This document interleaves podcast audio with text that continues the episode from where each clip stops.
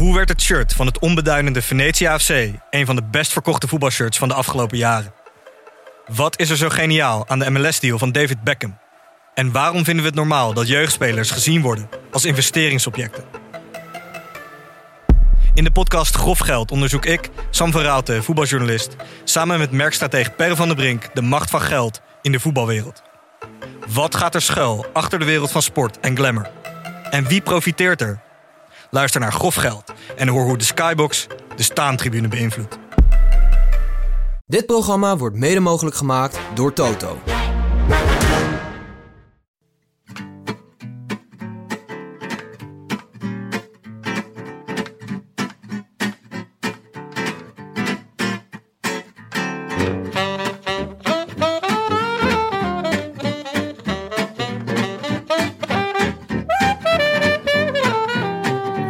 Het is donderdag 22 december en live vanuit Baal is het de Rode Lantaarn.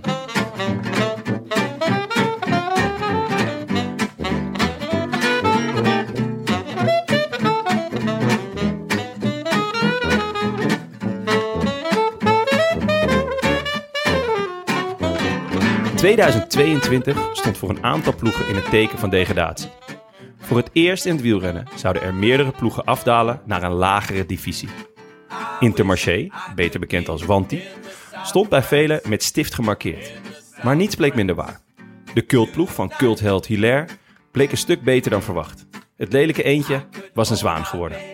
Onze gast van vandaag maakte deze transformatie van dichtbij mee. En zien hoe hij dat heeft ervaren. Welkom in de podcast, Kobe Goosens. Dankjewel. Leuk, eh, leuk dat ik er mag zijn. Eh, want ik ben bij jou te gast in jouw huis. Jij woont hier met?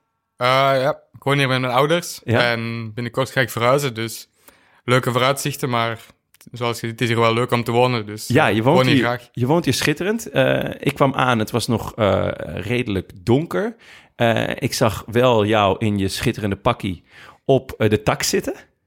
Ja, klopt. Ik had lekker band op training, dus ehm, ik moest mijn training afmaken op de rollen. En ehm, ja, dan maar een nuttige tijdrittraining gedaan. Ja, want het is ook je tijdritfiets. Hè? De, staat, is dat degene die altijd op je tak staat? Ja, meestal wel. Ah. Oh, dan eh, kan ik toch een tijdrittraining doen en dat is altijd mooi meegenomen. Ja. ja, want even voor de luisteraars. eh, ten eerste deed jij de proclamatie, de eerste zin. Dat deed je vrij eh, vlekkeloos. Eh, well done.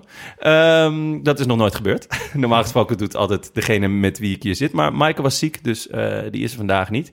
En jij had mij ook helemaal niet verwacht. Toch? Nee, klopt. Eh, ik dacht eigenlijk dat het morgen was, dus het was een leuke verrassing. Ja, nee, dus ik kwam hier aan en jij was gewoon nog volle bak in je training. In je kloffie, keihard aan het zweten. Op de, op de tijdritfiets. Het zag er goed uit. ja, het was nog een lastige training, dus Ja, redelijk hard zweten. Ja, maar ik, ik, ik keek net ook eventjes to- stiekem toen jij aan de douche was, heb ik gezien, eh, inderdaad, er ligt een hele plas zweet op een matje, wel te verstaan. ja, het is maar beter dat mijn ouders niet thuis zijn. dat moet Ja. nog opgekuist worden. Wat, wat voor training heb je gedaan net? Ehm, re- redelijk lange aerobe blokken, dus ehm, Wat houdt het in? ehm, zojuist boven uw vetrempel en juist onder uw overslag rijden. Dus Op welke hartslag zit je dan? Ik denk rond 160, 165. Oef. Dus, en hoe lang eh, moet, je die dan, moet je dat dan aanhouden? Ehm, het was drie keer 16 minuten. Maar normaal valt het wel goed mee, maar in tijdritpositie en op de rollen is alles toch net iets zwaarder. Ja, is de rollen zwaarder dan, eh, dan, dan buiten? Ja, ik vind van wel. Zeker op de tijdritfiets. ehm, je kunt minder meebewegen en je zit veel gefixeerder. Dus ehm, oh ja, dus dan moet je het echt helemaal uit je benen en uit je, uit je billen halen. ja. Ah, oké. Maar is het niet omdat... eh, is, is het ook mentaal zwaarder? of Ja, heb je zoiets van, nou, ik zet FC de kampioenen aan en het is gewoon genieten? FC de kampioenen stond aan, maar... dat is dat vond ik wel echt een leuk detail. Wist, je dat er, dit, dit- wist je dat er een podcast is over FC de kampioenen? Nee, dat wist ik niet Ja, er is dus, dat zijn, eh, eh, ja, dat is een podcast die gaat over FC de kampioenen. En die afleveringen duren dus ook langer dan de afleveringen van FC de kampioenen zelf. dus dat gaat echt op de gek. Ja, het schijnt, eh, het schijnt wel echt een topper te zijn. Ehm, luisteren. ja, ja, absoluut aanraden. Luister je muziek of podcasts tijdens je training? Ehm, meestal muziek wel tijdens training. Leuk. Dus ja, Wat luister je? Doe altijd top 50 van België, van. Nederland. En dan komen er altijd nieuwe liedjes voorbij, dus dat is wel leuk. Lekker. Heb je, ik neem aan dat je Spotify hebt. Ja, Wat, correct. wat stond er bovenaan in je rap? Mm, een liedje van Reggie, denk ik. Duizend sterren. Duizend, ken ik niet. Nee, moet je eens luisteren. Ja, is goed. terugweg, ja. Ja, oké, ja, leuk. Ga ik hem aanzetten. Ehm, we beginnen eigenlijk als altijd, eh, eh, als wij een, een renner spreken, eh, met de rubriek persoonlijk. Dat zijn, ja, eh, ik, ik noem, of jij noemt een cijfer van tussen 1 en de 10. En dan komt daar een vraag bij. Dat zijn heel eh, eh, basale vragen. Maar het is gewoon net wat makkelijker om je beter te leren kennen. Dus ja, een cijfer. Ehm, nummer 7. Nummer 7, hobby. Een hobby. Ik heb Is- eigenlijk niet zo echt heel veel hobby's buiten fietsen. Dus, Nee, ehm, heb je van je hobby je werk gemaakt? ja, ik denk het wel. Ik denk dat sinds dat ik klein was mijn, mijn hobby. En ik was eigenlijk buiten school altijd aan het fietsen. Hier vooraan op de oprit had ik dan bergjes gemaakt om over te springen. Ja? Zoals van BMX. En ook met mijn neef bouwden we in het bos ja, zo parcoursjes. Dus ehm, dat was eigenlijk mijn hobby. En het voelt eigenlijk nog altijd wel als een hobby. Dus, Ja? Ja. Het is niet nu, nu je het verplicht moet doen, hè? de, eh, drie keer 16 minuten op eh, hartslag 160, dan voelt het niet als werk. Nee, eigenlijk niet. Het voelt eigenlijk, sinds ik prof ben, niet anders als ervoor. Dus eh, Nee? dat is wel leuk. Eh, nog heel veel over dat BMX'en. Want eh, ik heb eh, nou, in een ver verleden naast ze gesproken. Redelijk recent sprak Tim Merlier. Die zijn allebei begonnen met BMX'en en daarna doorgegroeid naar, ehm, naar, naar, naar wegwielrennen. Is dat, is dat the way to go? Is dat een, eh, een, een heel normale manier? Of is dat eigenlijk eh, ja, gewoon puur mazzel of puur toeval dat jullie alle drie dat hebben gedaan? Mm, ik denk ook wel een deel toeval. Al BMX is wel natuurlijk goed voor de techniek en je leert er wel veel ja, handelingen op de fiets. Maar ik denk dat er nog veel andere wegen zijn die kunnen leiden tot een profcarrière. Maar Ja, BMX, ja, als je dat in de jeugd hebt gedaan, is het wel mooi meegenomen en haalt er nog altijd voordeel uit. ja wat, eh, welke voor, hoe haal je daar nu in het peloton nog, nog voordeel uit? Ik denk eh, soms ja, over een obstakel dat je juist wel kunt springen of zo van die dingen. Ik denk Ja? gewoon een beetje stuurvaardigheid. En tot hoe oud heb je gebmx'd? Mm, Ik denk tot mijn 12 jaar en dan ben ik overgestapt op veldrijden. Ah, ja, ja, ja. ja. Nou, daar gaan we het zo meteen eh, nog, eh, nog uitgebreid over hebben. Volgende cijfer. Mm, drie. Opleiding. En dat mag zowel je school als je wieleropleiding zijn. In school heb ik boekhouden informatica gedaan, maar, Boekhouden en informatica. Ja. maar daar vrees ik dat ik nu niet meer zo ver mee ga komen. Wat, eh, wat, wat moet ik me daarbij voorstellen? Is dat, eh, dat, dat is gewoon... Ja. eh, Eigenlijk echt, ja, veel economie ja? en ja, ook ja, boekhoudingen leren opmaken. Poh, dat klinkt En- saai, hè? Ja, het was redelijk, dat was niet echt leuk eigenlijk, maar je moest hè. Ja. Ehm, informatica, meer websites bouwen, dat was dan Ah, al iets leuker. ja, dus, ja. En tot hoe oud heb je dat gedaan? Ik, snap, veel wielrenners doen een opleiding eh, naast, naast hun eh, prille carrière. Ook omdat wielrennen natuurlijk heel lang heel onzeker is. Ik bedoel, één keer vallen op een verkeerd moment. Of, nou ja, er zijn heel veel mensen die prof willen worden. De, de kans is klein. Eh, tot hoe lang heb je op, op twee paarden gewed? Ehm, eigenlijk, na mijn achttiende ben ik eigenlijk eh, volop op koersen overgestapt. En dat was echt mijn doel om prof te worden. En dat was wat ik wou. Maar ik heb daar ergens ook wel spijt van gehad dat ik niet verder gestudeerd heb. Ja? Ik heb wel, ja, ik heb een half jaar verder gestudeerd, maar toen merkte ik dat als ik aan het trainen was, dan wou ik eigenlijk fit, eh, wou ik studeren. En als ik aan het studeren was, wou ik fietsen. Dus dat was een beetje tegenstrijdig. Ja. Maar toen, ja... Het is leuk, denk ik, om er iets naast te doen, maar het is een heel moeilijke combinatie. En zeker, ik denk dat ik eh, vanaf januari nog 40 dagen thuis ben tot en met de Ronde van Frankrijk. Dus dat is nog redelijk lang. Ja. Eh, dat is redelijk weinig Dat is heel op een ja. lange periode, dus dan is het moeilijk. Maar ik heb over laatst Geert Welles eh, daar een mooie quote over gezien hebben. En dan Wie? Wie? Geert Welles, Ja, eh, ja, ik zat daarmee samen en hij was aan het vertellen dat veel ouders willen dat hun kinderen studeren, wat logisch is. Maar uiteindelijk, het is risicovol om alles op koersen te zetten, maar ik weet ook niet, als je studeert, dat je dan een mooie baan hebt, of dan moet je eigenlijk beloftecategorie als een soort van opleiding aan de universiteit zien. En Ja. Het kan goed uitpakken, maar het kan ook verkeerd uitpakken Ja, natuurlijk. ja, ja, ja. En dus op je achttiende eh ben je er vol voor gegaan. Eh, als veldrijder of eh, toen had je toen al in je hoofd van nee, ik wil ook naar de weg? Ehm, toen was eigenlijk nog veldrijden, denk Ja? ik. Als ik klein was, ging ik in het dorp naar de cross kijken en dat was er wel ik wou worden. Maar eigenlijk, hoe verder ik bij belofte kwam, hoe meer ik besefte van dat het moeilijk werd in het veld. Omdat ja, ik was eigenlijk niet explosief genoeg. Oké. En toen is de gedachte ook mee door Sven Nys, ehm, overgegaan op de weg. En ik deed het ook wel graag dus. Ja, ja want uh, nou ja, Sven Nijs, de naam is gevallen. Uh, kan je zeggen dat jij een protégé bent van hem? Goh, hij heeft me natuurlijk wel de juiste richting opgeduwd. En ja. Dat is zeker waar. En ik denk, als ik hem nu nog zie, dan ja, praten we nog wel. Maar ja.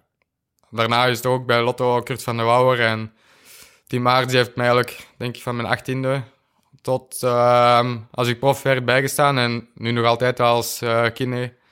En in als kine, dat is? Ja, hij is uh, kinesist in Hesselberg. Ah, ja. En hij was ook mijn trainer dan, vanaf mijn achttiende, denk ik, tot als ik prof werd. En nog één keer zijn naam? Ik kon uh, Tim Aerts. Tim Aerts, oh ja, ja, ja. Bekende naam natuurlijk. Ja, um, ja nou, Sven Nijs, ik uh, weet dat, dat, tenminste, ik weet het, want ik was uh, verkeerd net. Ik was verkeerd gereden, of eigenlijk naar een verkeerd adres. En toen stond ik eigenlijk ineens bij het Sven Nijs Cycling Center. Toen vroeg ik, hey, is Kobe Gozes hier? Want ik ga hier een podcast opnemen. Toen zei ze, nee, die is er niet. en dat was ook omdat jij dacht dat we morgen pas zouden opnemen. Maar dat is eigenlijk gewoon wel...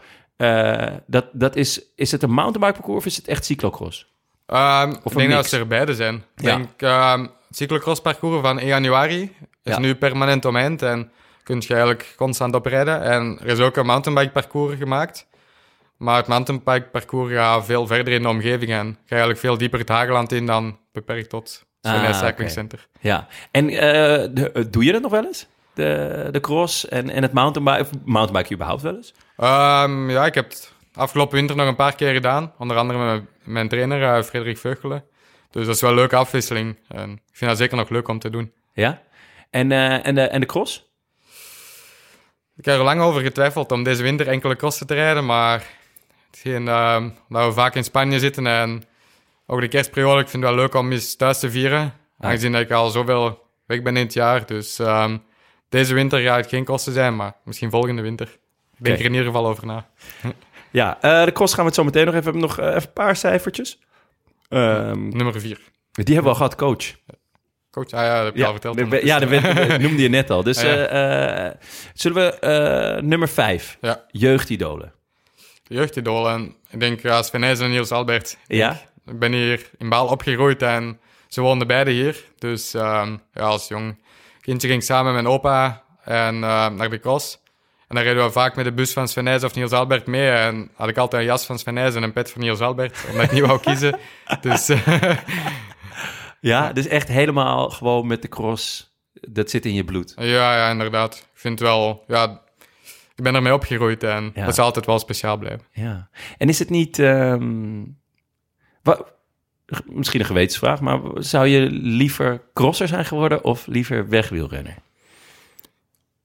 Op dit moment denk ik liever wegwielrennen. Ja? Om, ja, ik vind het leven, leven gewoon echt heel leuk. Om, je komt op heel veel plaatsen. En ja, je bent ook ja, vaak op stages. En op stages vind ik eigenlijk... Ik vind het echt leuk om 100% voor je vak te leven. En de cross is toch veel meer in het weekend wedstrijd en dan de hele week thuis. Dus uh, op dit moment weg wil rennen. Oké, oké. Okay. Leuk. Um, nog één laatste. Nummer 8, uitgaan. Het is natuurlijk uh, best... Nou, december is misschien al wel... Je, je bent nu al wel weer wat aan het trainen, maar je hebt natuurlijk november. Dus volgens mij altijd de meest relaxte maand van het jaar voor een wielrenner. Is dat voor jou ook zo? Ja, ik vind het wel leuk om november te zijn en gewoon ontspannen te doen. Maar waar je zin in hebt. Dus uh, maar echt uitgaan. Ik heb dat nooit veel gedaan. En nu op teambuilding zijn we wel enkele keer uitgegaan. En dan vind ik het wel leuk. Ja, oké. Met, met de nieuwe ploeg al? Als in de, dus de nieuwe jongens erbij ook al? Ja, ja inderdaad. Okay. In november hadden we dan teambuilding met de ploeg. En dat was eigenlijk ideaal. Kon je elkaar leren kennen en ja, iedereen samen op een ontspannen manier dus. Leuk. Waar, zijn, wat, uh, waar zijn die geweest? Wat um, hebben jullie gedaan? Eerst zijn we, ja, we hadden allemaal vergaderingen in Charleroi. Dat, en, klinkt, dat klinkt top. Ja. en dan hebben uh, we gala gehad met de ploegen. En de dag daarna hebben we teambuilding gehad in Your Nature. Dat is uh, ja, een soort avonturenpark. En dat was wel echt heel mooi. En dan zijn we s'avonds nog met z'n allen op stap geweest. Dus. En wat, uh, wat moet ik me voorstellen bij teambuilding? In Your Nature? Wat, uh... ja, het was eigenlijk... Is dat een stormbaan? Of is mm, het... Uh... soort van ja, zoektocht en dan moest je vlotten bouwen. En dan was Ah, het ja. einde een vlotte race, maar het is een beetje uitgedraaid dat iedereen in het water terecht is gekomen. dus zo'n dingen. Oké, en Ja. toen daarna uitgegaan met z'n allen. Ja. Leuk. En eh, wie zijn de party animals eh, bij Wanti? Mm, ik denk vooral de Fransen, Hugo Page en eh, Ja? Adrien Petit. Die kunnen wel redelijk goed feesten. Ja, die wisten hem goed te raken. Ja. Oh, wat goed. Leuk. Ehm, nou, we gaan zo meteen gaan we, gaan we het over je carrière hebben. Maar daarvoor nog heel even een woordje van onze sponsor. Dat is namelijk nog steeds Bamigo. Ken je dat? Bamigo. Eh, dat is, ze maken boxershorts van bamboe. Maar inmiddels ook eh, ondershorts en eh, sokken. En eh, ook joggingbroeken. Ehm, ik heb een, een stapeltje liggen thuis. Het is echt heerlijk. Super zacht. Inmiddels dus van onderkleding tot bovenkleding. Het is comfortabel. De producten zijn gemaakt van eh zelf ontwikkeld bamboe textiel. Ja, nou jij weer. hè? Ja, mooi. Dit, is, dit is en blijft heerlijk zacht, ook na meerdere keren wassen. Dus nooit meer stijve kleding. Het is ademend en warm, eh, want bamboe heeft de unieke ei- eigenschap dat het een ademende stof is, maar toch ook wel warm houdt. Ehm, als je eh, nu je eerste order plaatst, krijg je 25% korting op bamigo.com, exclusief voor luisteraars van de Roland Taarn, met de code WIEL25. Nou, ga je dat zo meteen doen? Ja, dat moet ik proberen. Klinkt wel goed. Ja, het is wel echt, het zijn oprecht heel chille boxershorts. Kan ik echt niet ontkennen. Ehm, nou ja, tot zover de sponsor. Over naar jou. Je bent eh, lang veldrijder geweest eigenlijk. En je zei net al van, je, je was niet explosief genoeg. Hoe, wanneer kwam je daarachter? Mm, ik denk vooral bij belofte. Ja? Op eh stage dan met de profs, dan was er toch wel een duidelijk verschil. Terwijl als we op de weg gingen trainen, dan reed ik altijd met overschot bergop en met langere blokken. En dan als we crosstraining deden, dan merkte ik gewoon in de start of als we explosieve heuveltjes op moesten rijden, dat eh, moeilijker was. Gewoon echt die korte venijnige, Ja. die echt dat je helemaal de verzuring ingaat. Inderdaad. Dat is, eh, dat is niks voor jou. Nee, ik denk dat dat nu ook nog altijd mijn zwak punt is. Dus. Ja? ja. Waar merk je dat aan? Ehm, ja, gewoon op sprintjes en zo op training, dan merk je dat je niet zo explosief bent. Dus Dan rijdt Bini je eraf. ja. Maar hopelijk voor hem. Ja, dus daar hoef je niet voor te schamen. Ehm, dus je, je, je bent tot hoe oud ben je, ben je veldrijder geweest? Mm, denk een jaar of twintig. Oké, ja. Dus, en toen heb je de overstap gemaakt naar de opleidingsploeg van Lotto. Hoe gaat het dan in zijn werk? Want je merkt van, nou, ik ben veldrijder. Eh, dat zit in je bloed, dat heb je net verteld. Eh, maar je mist explosiviteit.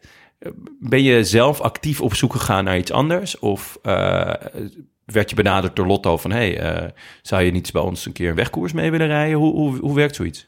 Ehm, mijn voormalige trainer, Team Aerts, die zat toen nog als, bij als kinesist bij Lotto. Ah, En ja, die had mijn naam al eens laten vallen bij Kurt van der Wouwer. En zo ben ik in contact gekomen met Kurt van der Wouwer. En dan heeft hij mij de kans gegeven om bij de ploeg te komen. En dat is dan uiteindelijk goed uitgedraaid. Ja, want je, je, mo- je mocht dan meedoen en eh, dat was 2020, denk ik. Ja, dat was mijn eerste jaar als prof. Ja, dat is eerst, 2020. ja, dus, maar in 2018 ging- kwam je dus bij de opleidingsploeg. Ja, ja, En eh, dat ging gelijk vrij goed. Inderdaad, ik voelde direct wel ja, dat ik mee kon op het niveau van het belofte toen. En voelde wel echt ja, goed aan. Dus gaf me ook wel vertrouwen en maakte me gelukkig. Met welke Nou. jongens zat je bij de belofte? Ik denk met Harman Hoeke Oh ja. was er toen. En ja, jongens als Gerben Thijssen, Arne Marit, die nu ook bij mij in de ploeg leiden. Ja. Laurens Huis, die zat allemaal bij de belofteploeg. Ja, ja, ja. En daar kon je makkelijk mee? Ja, ik voelde wel dat ik op hetzelfde niveau stond als hun. En ook in de koersen was dat wel het geval, dus dat was wel leuk. Ja, mooi. Ehm, je wint ook gelijk, toch? Dat was in mijn tweede jaar, denk ik, dat ik jaar. eh, de Jura won. Ja. In mijn eerste jaar, toen was ik me eigenlijk aan het voorbereiden op eh, Ronde van de Toekomst en het wereldkampioenschap. En met Kevin de Weert als bondscoach. Oh ja. ja. Maar toen in Tour de Savoie was ik gevallen en had ik mijn enkel gebroken. En bleek een redelijk zware blessure te zijn. Hoe, hoe breek je je enkel bij? Dat, dat is niet een heel veel voorkomende. Ja, ik- blessure bij wielrennen, toch? Ik heb ook niet echt een idee. Het was in de afdaling van Fer. En Ja. ineens lijkt één verdiep lager. Echt? Ja, en toen, ja, uiteindelijk was het enkel maar een enkelbreuk, dus dat is op zich positief. Maar die heeft lang helemaal geblokkeerd gezeten. Ah, ja. En kon die eigenlijk amper bewegen. Toen zeiden de dokters van dat het moeilijk werd Echt? om een koerscarrière te Einde, streven. einde carrière? Ja, maar ik had er al heel veel voor opgeofferd, dus ik wou echt nog proberen. En toen gaf Kurt van der Wouwer mij ook al die kans. Ja. En toen in mijn tweede jaar bij Belofte van Lotto, toen ja, had ik nog een stap gezet en toen kreeg ik de kans om prof te worden. Maar hoe... wa- Want die, de arts zei, nou ja, het, het wordt lastig. Ehm, jij zegt dan van, nou ja, eh, ik ga het toch proberen. Hoe gaat het in zijn werk? Wat, wat, hoe, hoe heb je het opgelost? Als, Ehm, als het zo geblokkeerd is en zo slecht. Ja, vooral heel veel bij de kinderen. Ik denk dat ik bijna elke dag bij de kinderen zat. Maar En die ook- ging dan die, die stijfheid eruit duwen. ja, ik probeerde wel echt. Maar in het begin ging hij met zijn volle gewicht erop liggen en Ja. het bewoog gewoon niet. En dan moest ik ook met een soort laars slapen. Oh, echt? Die ik dan elke nacht een beetje meer kon aanspannen, zodat het altijd verder en verder geduwd werd. En Wauw. zo heeft enkele maanden geduurd. Maar Met een laars. Dus een... een eh, Ja, zo. Ja, de orthopedist heeft dat Ja? speciaal gemaakt aan, aan haar voet. En dan moest je met een soort van draaiknop die altijd verder en verder aandraaien. Dat er altijd meer en meer spanning op je voet kwam. En zo... Ja, het werd ja, het deed wel veel pijn, ja. Ja. ik, heb, ik heb mijn scheenbeen ooit gebroken. En dat, eh, dat duurt dan heel lang. Maar daarna inderdaad begint eigenlijk het, het, het proces pas... omdat je voet niet meer mobiel is. Ja, ja. Dus, en inderdaad, dan, dan- dan moest ik ook heel vaak naar de fysio. J- Jullie noemen dat kine. Eh, en die gaat dan op je voet leunen en weer terug en heen en weer. Het is gewoon echt puur om het weer mobiel te maken. Ja, inderdaad. En dat, dat- dat heeft heel lang geduurd. En Hoe lang ook- heeft dat geduurd? Ik, bij bij mij heeft het echt wel. lang geduurd, weet ik nog. En dat ik op een gegeven moment helemaal scheidsziek van werd. Ook omdat het gewoon best wel pijn deed. Ik denk wel vier, vijf maanden voordat ik terug op de fiets zat of zo. Dus, ehm, en toen als ik op de fiets zat, ging dat eigenlijk beter dan stappen. Dus dat heeft nog iets langer geduurd. Ah, ja. Maar ja, uiteindelijk heeft het wel echt heel lang aangesleept. En Heb je er nu nog last van? ja, bij bepaalde oefeningen, bij krachttrainingen en zo, moet ik wel eens onderleggen, omdat de buiging is niet helemaal terug. En Ah, ja, ik denk dat die nooit echt helemaal terug gaat zijn. Dus iets van ehm, squatten of zo is dan heel lastig. lijkt me. ja, maar als je een beetje gewichtjes onder de enkel legt, dan Oh, ja. is je ook al iets anders en dan gaat het wel vlot. Oké, dus nu in ieder geval geen pijn meer. Of, eh, Maar wel, ja, ja, opvallend dan toch dat... ehm, want het- dit was in je eerste jaar? Ja, ja. eh, dat Lotto eh, en Kurt van der Wouwen dan zeggen van... Nou ja, we, we, we, ja, we willen je alsnog. Ja, inderdaad. Dus ik ben wel echt heel dankbaar daarvoor dat ik nog die kans heb gekregen om een tweede jaar bij de belofte ploeg te rijden. En ja, als Kurt toen had beslist van ja, nee, het is gedaan, dan was het ook gedaan. Ja. Dus ja, ik ben hem daar nog altijd wel heel dankbaar voor dat hij mij die kans heeft En gegeven. weet, En, weet je waarom hij dat heeft gedaan? Eh, Zag je iets in je? Of uh, of, uh, wat, ja, wat... Ja, misschien wel. Ik denk, Kurt heeft mij altijd wel gesteund en hij heeft altijd wel veel vertrouwen in mij gehad. Dus um, ik denk, we hadden ook een goede band en hij geeft me altijd veel vertrouwen, ook in moeilijke periodes. Dus, ja. Um, ah, je betaalde ook eigenlijk, uh, nou ja, gelijk het seizoen daarna terug. Want je, je wint inderdaad de Tour de Jura. Wat is dat voor koers? Um, ja, dat is zo'n koers in Middengebergte. Ik denk, uh, UCI-koers ja, in Frankrijk. Dus ja. um, dat was wel echt een mooie overwinning. Ik werd er in mijn eerste jaar tweede. En ja, toen, na mijn blessure, was ik wel echt gebrand om daar dan te winnen. En toen was dat gelukt. Dat was wel een heel verlossing.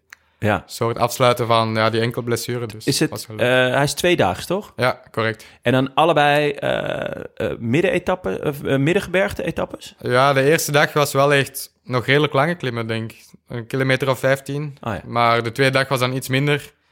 En ja, de, vooral de eerste dag was echt lastig. En was, ik herinner me ook nog dat het echt super slecht weer was toen. En dat ligt me altijd wel goed, dus dat was ja? leuk. Ja. Als het, uh, want vandaag, uh, nou, ik uh, ben hier in Baal. En uh, het, is, het is hier schitterend, maar het is ook nogal grijs. Maar jij bent gewoon buiten gaan trainen. Er zijn ja. genoeg renners die dan zeggen van nou, hè, uh, ik stap op de tax en ik vind het mooi. Ik doe even een paar uurtjes op de tax en dan is het mooi geweest. Meestal kan ik me daar wel over zetten. Ik ja? natuurlijk liever in de zon, maar goh, ja, het is wat het is. ja, type, nee, gewoon type Tim Wellens. Ja, ik denk het wel. Ik denk ja? dat hij ook wel doet. En ik denk als het warm weer is, dan zijn we allebei minder. Dus, um, ja, ja kan, je niet, kan je niet goed tegen de hit? Is dat niet jouw... Uh... Ik moet me er echt wel op voorbereiden. Denk, de eerste koers in hitte heb ik altijd problemen. En meestal na enkele dagen gaat het wel beter, maar ja. de eerste keer hitte, dan um, heb ik altijd een heel slechte dag. Echt? Ja, dat, terwijl je toch een buitengewoon degelijke Vuelta hebt gereden, niet zo lang geleden. Ja, ja. maar dat was in oktober toen. Dus... Ja, dat is, ja, ja, ja, dat, dat, ja, dat wel is waar natuurlijk. Ja, ja. Um, nog even over het middengebergte. Is dat jouw specialiteit? Um, ja, ik denk het wel. Ik denk echt hooggebergte, dat is... Um, dat moet ik theoretisch gezien ook wel kunnen, maar ik ga er nooit bij de toppers horen, denk ik. Dus ehm, ik denk op middengebergte dat ik me daar echt op moet specialiseren om proberen ergens erin te winnen. Ergens. Ja, want eh, ehm, en zou, zie je dan koersen van een week voor je of juist eh eh, eendagskoersen? Wat, wat, wat zou je, wat zou je, waar zou je specialiteit willen, willen liggen? Ehm, ik doe altijd liever rondjes en ik denk ook dat het mij beter past. Ja? Dus ehm, ik denk ja, meer bij de rondjes. Oké, nice. Ehm, na twee jaar eh, bij Lotto, eh, dus ben je opgeleid. Dan ga je naar de grote mannen. Eh, dan kom je ook eigenlijk bij best wel wat grote mannen in de ploeg. Dus nou ja, Wellens noemden we al, Ewan. Ehm, wat, wat was het grootste verschil met... ondertussen komt even de hond buurten. Marley was het? Ja, correct. Een eh, vrij groot beest, kan ik wel stellen. Maar hij, hij springt ook op schoot, zeg je. Ja, ja, ik denk... hij beseft zelf niet hoe groot dat hij is, want als we in de zetel zitten, dan komt hij bovenop jou liggen. En, Ja, dus, eh, hij begint nu te likken. Wauw. Nou, dat, eh, dat, eff- dat doet hij al goedgekeurd. Over. mijn vraag was, wat was het grootste verschil toen je, toen je ineens... want nou, je hebt de opleidingsploeg, dat, dat ging goed, zei je, je kwam goed mee. En dan ga je naar de grote mannen. Wat, wat, is het, wat was het grootste verschil? Ehm, ik denk dat er wel een paar grote verschillen waren. Ik denk ook gewoon begeleiding. Bij de profploeg was veel beter. En alles, ja, wordt het in de puntjes verzorgd. En het niveau gewoon is veel hoger. En dan merk je wel dat je nog veel stappen moet zetten om op dat niveau te komen. Om, ja, als je met die Welles dan, of Thomas de Gent ook vol rijdt, dan bij de belofte was je dan een van de sterkste en dan kom je daar en dan voelt je dat die mensen, alle die mannen toch wel een paar trappen hoger staan ook. Dus, eh. En hoe, hoe zet je dan die, die paar stappen? Ben je eh, er nog meer voor gaan leven? Ben je harder gaan trainen? Ben je beter gaan rusten? Ben je beter gaan eten? Waar, waar zit het hem in? Want ja, je, je zal zelf dan ook ineens harder moeten, toch? Ja, klopt. Ik denk een beetje in alles dat daar zit. Denk, beter trainen, beter eten, beter rusten. Ik denk, een combinatie van alles maakt dat je een paar procentjes beter wordt. En ook gewoon door die hardheid in al die World Tour koersen. Dan zorgt je automatisch voor dat je stappen zet. En de motor vergroot. Inderdaad. Om, het, eh, om, om dat cliché te gebruiken. ik vind het altijd heel moeilijk om, om, eh, om te begrijpen van hoe, hoe vergroot je die motor dan? Is het gewoon echt uren maken? Is het koersen uitrijden? Eh, is het niet, niet lossen bij eh, nou ja, Wellens en de Gent dan op training? Zo lang mogelijk? Hoe, hoe moet ik het zien? ja, ik denk gewoon met de jaren komt om veel koersen te rijden. En al die intensiteit die zich opbouwt. Ik denk, spieren hebben een soort van geheugen volgens mij. En Ja? dat blijft er ergens in zitten, denk ik, ja. Die weten dan de volgende keer dat je ze aanspreekt van... oké, nu moet ik Ja, inderdaad. Nu moet er een tandje bij. Eh, in 2020 rijd je je eerste grote ronde. Eh, je wordt 24ste. Je rijdt best aardig bergop. Eh, voor de rest heel stabiel. ja, de hond is heel enthousiast aan het worden nu. Ehm, je rijdt eigenlijk altijd tussen plek 20 en 50. Ook in de zware bergetappen zit je er echt lang bij. Ehm, heb je jezelf verbaasd in die, in die, in die Vuelta? Uh, die Vuelta wel. Want eh, de weken daarvoor was het eigenlijk in Tirreno... was ik helemaal niet goed. En- Even voor de duidelijkheid, dit was, want Tirreno naar de Vuelta is gek, maar niet, want dit was het coronajaar. Dus dit was ook een Vuelta die duurde 18 etappes. Ja, ja, inderdaad. Ja, Duurde dus- 18 etappes en... Net geen drie denk- weken. Dat was, was dat welkom? Ja, het was wel welkom toen voor mijn eerste grote ronde. Ja. Want ik merkte wel de laatste dagen dat ik echt heel moe was. Ja. Maar ja, toen was het wel een verrassing voor mij. En het was gewoon leuk. Je bent, bent meer in die flow. En kreeg ook de vrijheid om dat te doen van de ploeg. Dus dat was wel leuk. Ja, en dat heb je, heb je hoe, met, hoe ging je daar naartoe? Dacht je van, nou ja, ga kijken of ik een etappe kan winnen. Ga kijken of ik zo lang mogelijk kan aanklampen. Eh, ik ga gewoon het allemaal maar over me heen laten komen. Hoe, eh, wat was je, ja, hoe ging je daar naartoe? Ehm, ja, het was eigenlijk een heel grote stap in het onbekende. Dus ehm, Was je bang? we bang niet echt meer gezond nerveus, denk ik. En ik keek er echt naar uit. Ja? En ja, ik mocht van de ploeg ook wel gewoon overal zien hoe ver dat ik kon komen en een beetje mijn eigen ding doen. Dus ik was wel echt heel enthousiast om daar naartoe te gaan, omdat, ja, dat was toch een droom. Om, Ik gaat het wel goed met die hond. ja, is heel enthousiast nu. Vertel verder.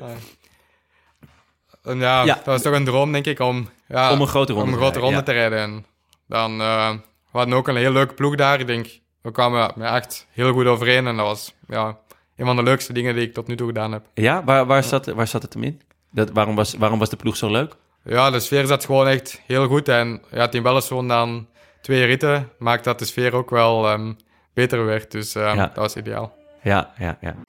Mooi. Ehm, na twee jaar eh, bij, bij Lotto, eh, ja, ga je naar Wanti. Dat lijkt dan misschien een stap terug. Want Lotto Soudal en Wanti, ja, dat, Lotto Soudal is, ja, was, een, was een grotere ploeg. Maar eigenlijk eh, is het inmiddels toch gewoon een stap omhoog geweest.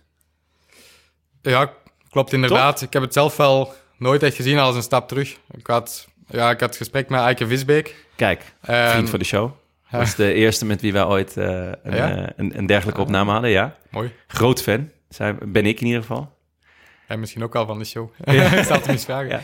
Maar ja, ik had een gesprek met Eike Visbeek en hij straalde echt enorm veel vertrouwen uit. En hij had een duidelijke visie naar waar de ploeg naartoe wou. En hij wist ook wel dat er nog tekorten waren bij de ploeg, maar hij wist welke stappen ze wilden zetten en op welke manier. En ik kreeg er echt enorm veel vertrouwen in. En ja, dat heeft mijn keuze wel mee bepaald en gaf mij eigenlijk direct een gevoel van zekerheid. En Wat, eh, wat was zijn visie dan met jou? En ik wil straks ook wel over de ploeg horen, maar met, met jou, hoe zag hij jouw rol binnen de ploeg? Ehm, hij wil mij wel laten groeien, denk ik, voor rondjes van één week. En bergop dan ja, echt lang mee te kunnen met de beste. En in grote rondes dan proberen een rit te winnen. Of zoals afgelopen tour dan Louis te ondersteunen. Dus ehm, Mijntjes, Louis Mentjes, inderdaad. Mr. Number, number 8. hij was zeven of zes, hè? Ja, ja, ja, nee, ja, tuurlijk. ja, wat, eh, hoe heet het, Quintana viel natuurlijk Ja, weg. Dus, eh, ja. Ehm, Oké, dus eh, koers van een week. Welke, welke, welke koersen moet, moet, moet ik daarbij aan denken?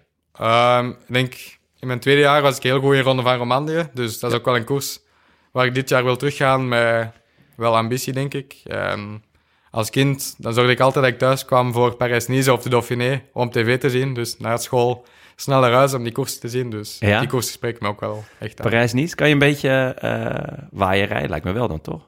Ehm, normaal lukt dat wel vrij goed. Dus, Ja? Ja. Beetje dringen, beetje positie Inderdaad. kiezen. Natuurlijk slecht weer, dan wil je ook goed. Ja, dat is eh, ook een voordeel natuurlijk. Ja, oké. dus eh Eike, die, hoe, hoe ging die transfer in zijn werk? Eike belde jou op? Ehm, ja, via mijn Hij manager zei- Dries Mets. Ja? Hadden we- had hij eerst contact met Intermarché en toen had ik een videogesprek met Eike Visbeek. En dan, ja, toen had ik eigenlijk na dat gesprek direct gestuurd naar Dries van... Ja, ik denk dat ik wil tekenen, want ik voelde echt heel goed en vertrouwd aan. En hij is er dan mee verder gegaan. En dan hebben we nog een tweede keer afgesproken, denk ik, in eh, juli. Maar toen had ik al getekend en toen wist zij al dat ik naar de Tour zou gaan. Dus eigenlijk wist ik al een jaar op voorhand dat ik naar de Tour ging gaan. En ben zo goed als heel mijn programma. Echt? Dus Dat ehm, had, dat, had, dat had hij al helemaal... ja, eh, ik denk dat hij dat nu ook wel voor alle renners die kwamen al in juli, augustus mee bezig was om dat in orde te maken. En ik denk dat dat ook wel voor veel duidelijkheid zorgt binnen de ploeg. Dat iedereen weet waar hij aan toe is en op waar hij moet voorbereiden. Dus ehm, Oké, dus eh, nou ja, wa- wa- dan ben ik wel benieuwd. Wat is jouw programma voor komend jaar? Eigenlijk Waar, waar wil je goed zijn? hetzelfde als vorig jaar. Ja. alle koersen. En, Dus je ja, begint in Mallorca? ik begin in Mallorca en ik wil wel direct terug goed zijn, zoals afgelopen jaar. Ja? En dan doortrekken tot en met Parijs-Nice. Ik denk via Algarve gaan we dan naar Frans openingsweekend en Parijs-Nice. Om dan even te rusten. Dan via Baskeland op te bouwen om Ardennen klassiekers en Romandie top te zijn. En dan terug normaal de Tour. Ja. Als alles goed verloopt natuurlijk. Ja, want eigenlijk eh, begon je afgelopen jaar heel goed. Eh, dus in, in Mallorca was je, ri- rij je drie keer top 10 en eh, daarna nog een paar Spaanse koersen ook allemaal kort geëindigd. Toen dacht ik, ik zag je naam een paar keer voorbij komen. dacht ik, nou, schrijf die maar op voor, nou ja, inderdaad, de koersen van een week. de, de, het Franse openingsweekend. Weet niet of, of je die van plan was om te rijden, maar ja, Ja, was ik van plan. wat, eh, wat is gebeurd? Ehm, ja, in Ruta toen voelde ik al van... Oei, het loopt precies niet meer zo goed als in het begin van het jaar. Ja, de Ruta del Sol Ruta hè? del Sol, Ja. inderdaad. Want ja, in Mallorca, ik denk dat ik al mijn records daar geduwd heb. En ik voelde me echt supergoed. En dan in Ruta voelde ik me echt moe worden. En toen bleek dat ik corona had. Ai. En dat heeft redelijk lang aangesleept. Ja? En dan heb ik ja, Frans openingsweekend en Paris-Nice laten vallen. En ja, om dan via hoogtestage toch proberen goed te zijn in de Ardennen-klassiekers. Maar in Baskeland was ik dan teruggevallen. Ehm, en toen had ik een brukje in mijn rug, dus dat was dan terug een terugslag. Om dan, ja, was ik in de Tour nog wel terug op niveau, maar nooit meer zoals het geweest is in het begin van het jaar eigenlijk. Nee, dus je begon eigenlijk echt vlammend.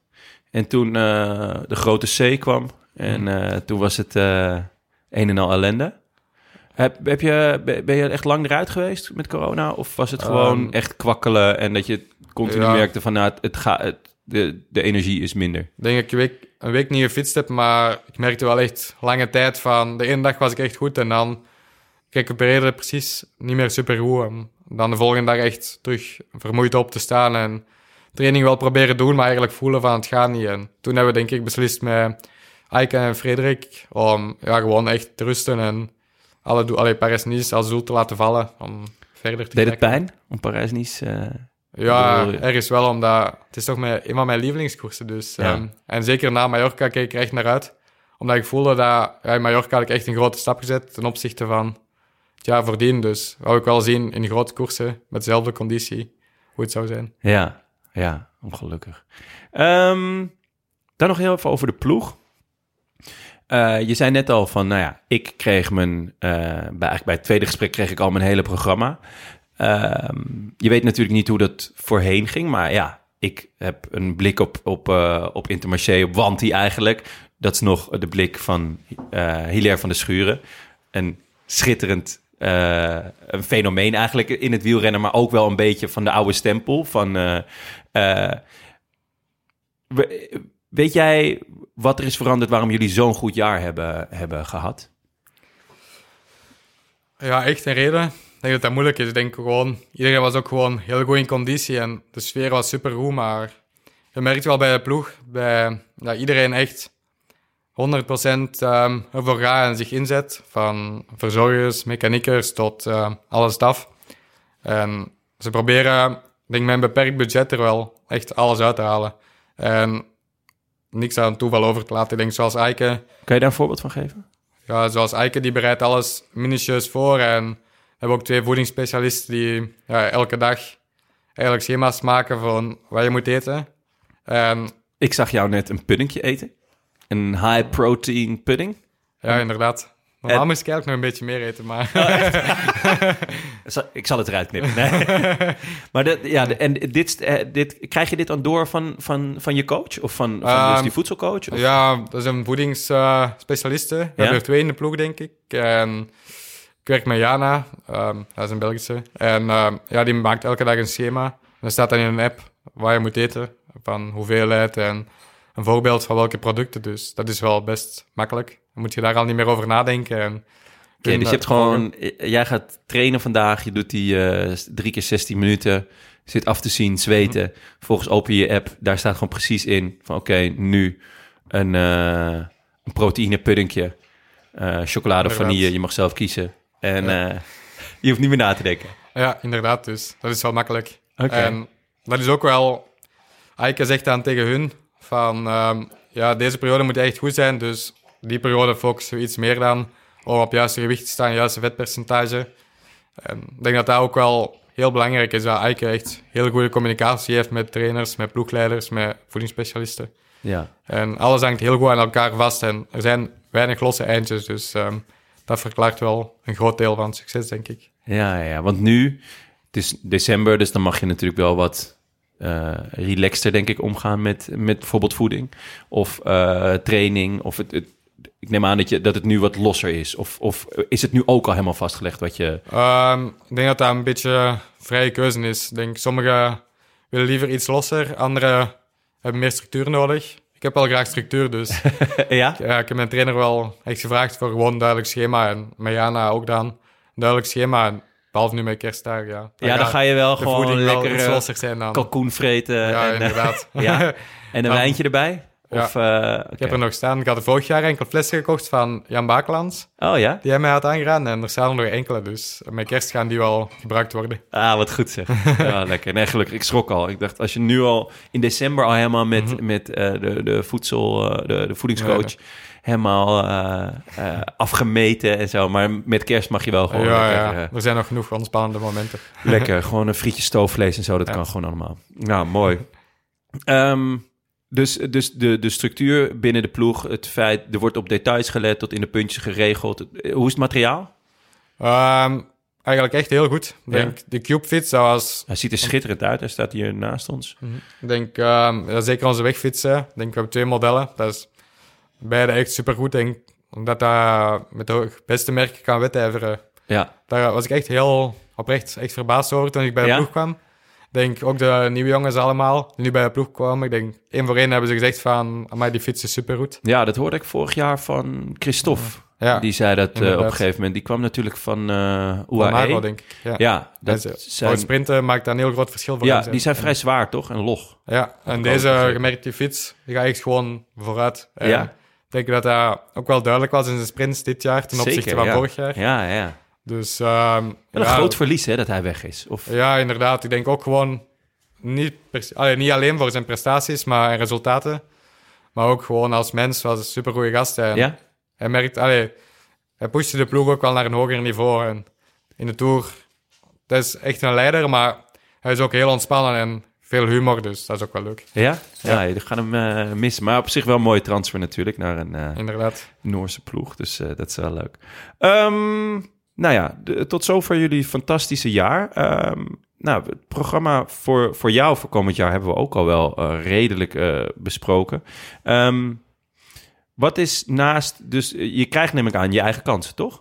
Ehm, ja, als, je, wel. als je weer zo goed bent in Mallorca. Inderdaad, Mallorca is al Ja. normaal de eerste koers waar ik mijn eigen kansen Ja? zou mogen gaan. En ik denk ook wel ehm Parijs-Nice. Ik denk dat dat echt wel het eerste grote doel is. Ja? Om daar toch proberen En te krijg je daar dan ook eh, jongens voor mee? Ehm, ik denk dat dat een beetje zal afhangen van hoe het begin is. Oké. Maar we hebben afgesproken dat ja, het eerste Paris-Nice wel echt mijn eerste grote doel is. En dat ik daar zelf voor resultaat kan rijden. En ik ben wel benieuwd hoe dat, dat zal gaan. Ja? En ik denk tweede deel van het seizoen in de Ardennen klassiekers, dan gaat het iets meer ondersteunend zijn. Ik denk Lorenzo Rotte, Ja. die is echt Ja, ja. super sterk. Groot talent natuurlijk. Ja, die, die hoort gewoon bij de wereldtop. Die is echt eh enorm sterke renner. En dan het tweede deel gaat terug zoals vorig jaar met Louis Mijntjes. Ja. Ehm, richting de Tour zijn. En dan in de Tour mag ik wel enkele ritten uitkiezen. Dus dat is ook wel leuk. Oké. En eh, stel voor Parijs-Nice. Je mag, je mag een ploeg samenstellen. Of je mag, je mag een paar mannen meenemen uit je, uit je ploeg. Die voor jou gaan rijden. Wie, wie zou je... wie- op wie hoop je dan? Ik zou Rent daarmee zeggen, maar ik denk niet dat hij naar de ploeg gaat. Maar die. Ik denk dat dat de grootste motor is in de ploeg. Die Daarmee, ja? Is, ja, die is super sterk. En Veel Ja. ervaring ook. inderdaad, ook Kan. daarom. Ja. Dus ehm, hij is ook echt heel open en hij wil iedereen helpen. Dus dat is echt wel leuk. Ja? Ja. Oké, dus die, die, die moet mee naar eh, Parijs-Nice. en eh, dan, eh, dan zit die top 10 er gewoon in. Laten we hopen. Maar dan moet ik ook wel goede benen hebben met of zonder hen. Nee, snap ik. Ehm, nou ja, Rota noemde je al. Die, die, is, die zie jij echt als, eh, als, als wereldtop eh, de komende, de komende eendagskoersen? Ja, ik denk het Als wel. het heuvel gaat in ieder geval? Ja, ik heb er nu mee samengereden, de Italiaanse klassiekers. En ik denk, als hij tactisch iets slimmer is, dat, dat er heel weinig zijn die in de buurt komen zelfs. Dus die is Ja? echt een van de sterkste. En dat was ook, denk ik, duidelijk op 2K. Ja. Ik denk enkel Remco en ja, Lutsenko waren even sterker, maar voor de rest... Dan hoort hij daar gewoon bij. En als hij nog die kleine stap kan zetten in de Ardennen klassiekers... En dan gaat hij zeker in Waalse Pijl, Luik, Basnak, Luik meedoen voor winst. Ja? Ja. Oh, wauw. Ik denk wel. Oh, nice. En eh, wie nog meer? Welke, wat zijn nog meer leuke eh, mannen waar... Kijk, Girmay weten we natuurlijk. Eh eh, Teunissen, hè? nieuw bij jullie eh, in de ploeg. Die gaat ook vlammen, dat, eh, dat mogen duidelijk zijn. Maar heb je nog meer eh, jongens in, in de ploeg waarvan je nu al hebt gedacht van... Poeh, nou, Ik denk ehm, vooral Hugo Page eigenlijk. Die, Hugo Pijs? Ook vorig jaar, die verbaasde me echt wel super hard. Die heeft ook mooie resultaten gereden, maar ik heb die dingen op fiets zien doen die echt heel indrukwekkend zijn. Dus ik Waar- verwacht ja? er wel iets van. Voorjaarsklassiekers. Voorjaarsklassiekers? Ja. Dus ehm, ik denk dat hij koersen zoals ja, Dwars door Vlaanderen, uh, Gent-Wevelgem, dan moet hij zeker aan kunnen, want die is enorm sterk en ook heel snel aan de finish. Dus Hoe oud is hij? 22 of zo, denk ik. Die is echt nog jong. Echt nog Dus, een, ja, eh. Een, eh, een talent die we, die we in de gaten eh, moeten Ik denk houden. dat hij nog een heel grote toekomst. Ook vorig jaar in Dauphiné was hij echt wel sterk, want die weegt rond 80 kilo. en we kwamen soms nog met 40 renners en zat hij nog gewoon bij in de finale. Dus Ja? ja. Nice. Oké, schitterend. Ehm, dan hebben we nog wat vragen van luisteraars. Ehm Laurens Huis vraagt, wat is je favoriete koers? Buiten Hageland. Buiten Hageland. Laurens Een bekende van jou? Ja, hij rijdt bij ons in de ploeg. Hè. Ja, ja, ja. Dus dat is wel een van mijn beste vrienden. Maar Kijk eens aan. ja, de Tour de France aan, denk ik. Vorig Ja? jaar was dat een unieke belevenis en ik denk dat dat het grootste is in het wielrennen. Dus Tour de France. Ja, ik eh, las een interview met je. Dat, eh, nou ja, als, dat, dat de Tour de France toch een beetje als eh, de universiteit wordt beschouwd voor een wielrenner. Dus, eh, nou ja, laten we zeggen dat je met de Vuelta heb je een mooie vooropleiding gehad. Eh, en, en de Tour is dan, dan de universiteit. Ehm, ben je geslaagd voor jezelf? Nu je, nu je hem hebt gereden, je hebt hem uitgereden. Je, je zei dat je echt gesloopt was. Ja, ik had ook mijn hand gebroken in de Tour, dus Ja, ja, ja. dat was niet positief. Maar ja, toen als ik op de Champs-Élysées aan het rondrijden was, dat, ja, dat is iets waar je altijd van gedroomd hebt. En ik denk als je dat op tv ziet, is dat echt uniek. En om daar dan echt te mogen rijden, dan voelt dat nog unieker. Dus ehm, dat was wel heel speciaal. Wat is het verschil met de Vuelta? Ik denk de, gewoon de grootheid van de Tour en alles er rond.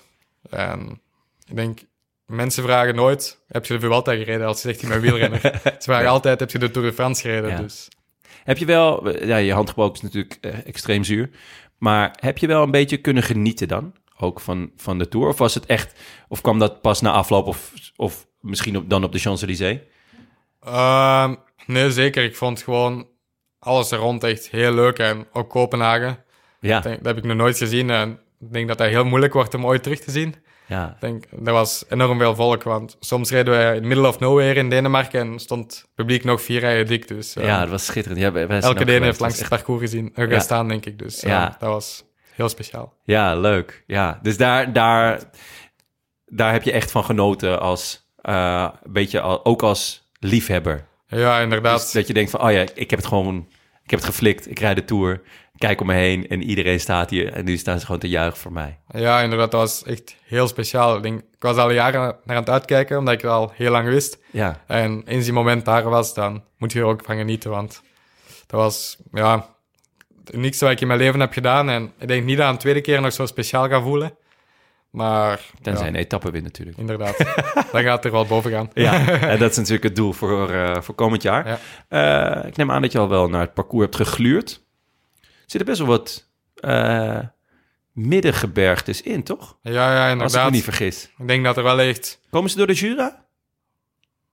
Dat niet. eh, weet, dat, ik, dat weet ik niet. weet ik niet. Ik, dat- ja. Waarschijnlijk wel. Normaal Ja. doen ze wel erg geber Ja. elk gebergte aan. Dus Dat is wel jouw gebied. ja, inderdaad. ik ben altijd goed daar. Dus eh, Ja. ook Romandie, dat passeert ook in de Jura. Dus dat ik ook goed. Dus eh, als ze er passeren, dan is er wel een etappe die gaan aankruisen. Maar Dan, ik denk, in het begin van de Tour zijn er ook al wel mooie kansen. Ik denk vanaf etappe 5. Als ja, er nog niet echt een bepaald klassement is en achtervolging kan een beetje stokken in het peloton, dan kan de ontsnapping ook al ver gaan. Dus Ja. ik heb al gekeken. Ja, je hebt al gekeken? Welke, Ja. welke etappe heb je aangekruist? Ja, ik denk de eerste etappe 5 en dan met ploeg beslissen in verband met Louis en Ja, kijken. Maar etappe 5 denk ik dat wel een mooie kans is voor de ontsnapping. Dus. etappe 5 gaan we hier gewoon Ja. opschrijven. Top. Leuk. Nice. Ehm, oh ja, Christophe, Christophe Diels. Je mag van één renner één dag een kwaliteit stelen. Wat kies je en van wie?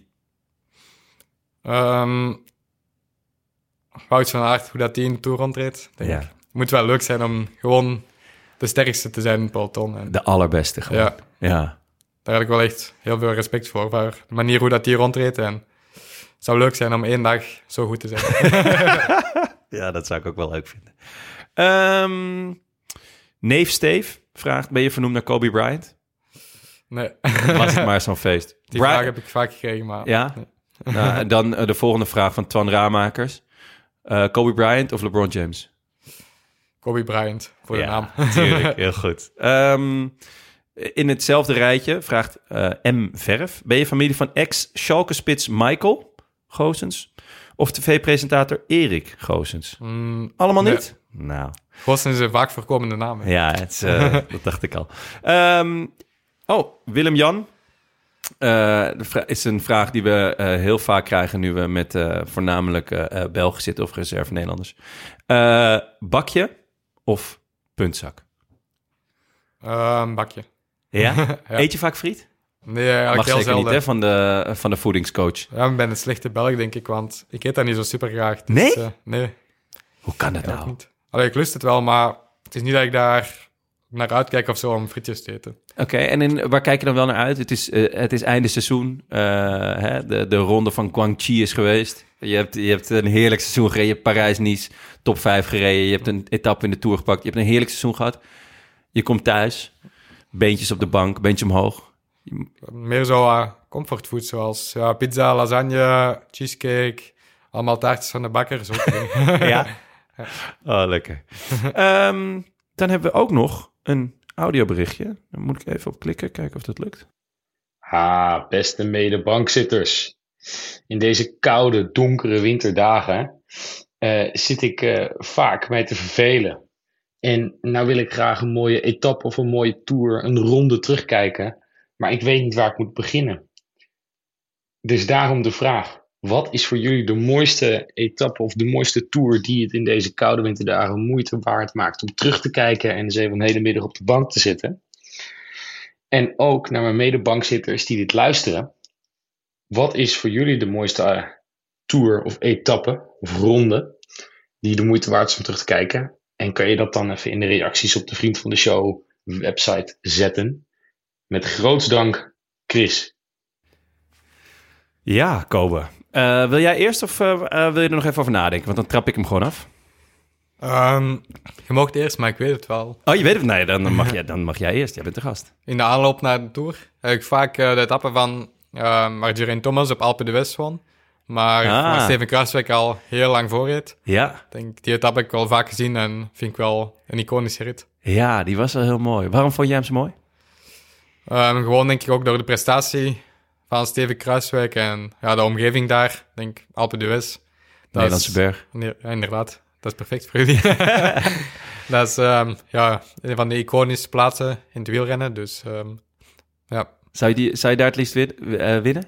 als ik mag kiezen wel, ja. Ja? Het wordt niet makkelijk, maar als ik mag kiezen, dan liefst Polen op Alpe d'Huez. Ja? Oh, het goed zeg. Ja, het was wel ook wel... Het was een heel vette move van Kruiswijk. Dat hij zo vroeg ging en van zo ver. En dat hij zo vroeg ook iedereen loste. Ja, ja inderdaad. En En eh, het leek lang heel goed te zijn. ja, Dus, ja, het was wel echt een baller move. Ja, Ja, ja. oh, wat goed. Ja, mooi. Mooie, eh, ja, vind ik een goeie. Ehm, ja, mijn all-time favorite is eh Gent-Wevergem 2015. Was dat de Wire, allee, de windeditie? De windeditie. ook met een hoofdrol voor Grain Thomas. Mhm. Die daar eigenlijk uit het niks eh, de greppel in waait. Ja, inderdaad. Uiteindelijk wordt hij eh, gewonnen door... Weet je het nog? Luca Paulini? Ja, inderdaad. Oude snifsnaffer. We weten niet of hij toen ook kook heeft gebruikt. Ik kan het me niet voorstellen, want daar waaide het waarschijnlijk gewoon te hard voor. Maar eh, later nog wel.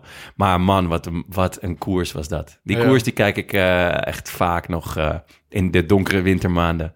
Zet ik hem gewoon aan. Ook met Michel Wuit en José de Kouwer. En eh, ja, genieten. Inderdaad. Dat was wel echt ook een heel mooie. Ja, die vind ik echt heerlijk. En natuurlijk afgelopen, ehm, afgelopen tour, de etappe waarin eh eh, Poggi wordt gekraakt. Dat was echt... eh, ik heb ze ook- nooit teruggezien, maar het was Nee. minder leuk om er te zijn, denk ik, dan op tv.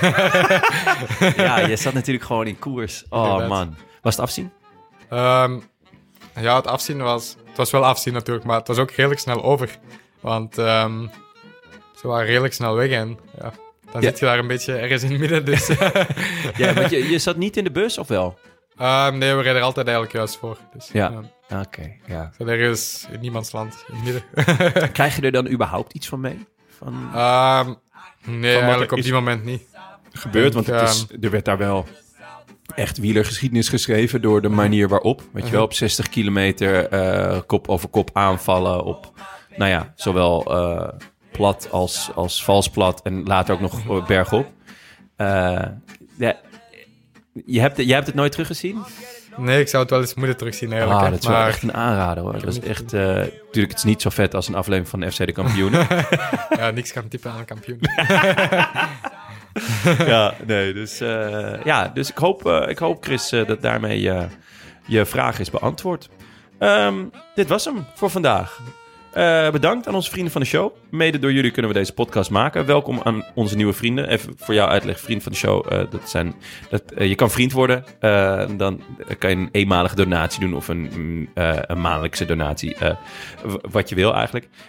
En dat doen heel veel mensen. waaronder deze. Elke, Tinner Wako, Jan Tien, Robert Omen. Hopen dat het familie is. Colin Geluk, Peter Jack, Lisa Suiker, Koen, Mauke Bollema en Fopke. Eh, ontzettend bedankt. Wil je ons ook steunen of gewoon een bericht sturen? Websurfsite dan naar derolantaarnpodcast.nl. En bij deze ook veel dank aan onze sponsors Toto, Bamigo, Canyon en Auto.nl. En natuurlijk aan onze heimat, het is koers. Ehm, en natuurlijk veel dank aan jou, Kobe. Vond je het leuk? Vond het heel leuk eigenlijk. Ja? ja. Vond het wel... eh, Beetje op de verrassing vandaag, maar... eh, ja, ja ik, eh, ik zal volgende keer zal ik aankondigen dat ik eraan kom. Maar eh zal ik niet zomaar ineens Nee, voor de deur staan. Maar nee, ja, ik vond het heel leuk. En eh, nou ja, vet. ik, ben heel, leuk. ik ben heel benieuwd. Ik ga met meer dan gemiddelde aandacht kijken naar Parijs-Nice dit jaar. Ja, top. En kijken hoe je daar, hoe je daar gaat vlammen. Dankjewel. Dit was de laatste van, van dit jaar. Eh, fijne eh, kerstdagen en een eh, gelukkig nieuwjaar. En dat er maar snel weer gekoerst mag worden. Want de Tour Down Under ja, gaat gewoon bijna beginnen. Helemaal niet meer zo lang, hè? Nee, Ja. en dan natuurlijk, we weten allemaal, het begint uiteindelijk pas echt bij de omloop. Maar hè, die Tour Down Under en die koersjes in Mallorca, daar ga jij natuurlijk ook weer vlammen. Inderdaad. Dus ja, ik heb er, het kriebelt alweer. Het kriebelt gewoon. Eh dankjewel en bientôt. Dankjewel. I wish I could be in the south of France. In the south of France, sitting right next to you.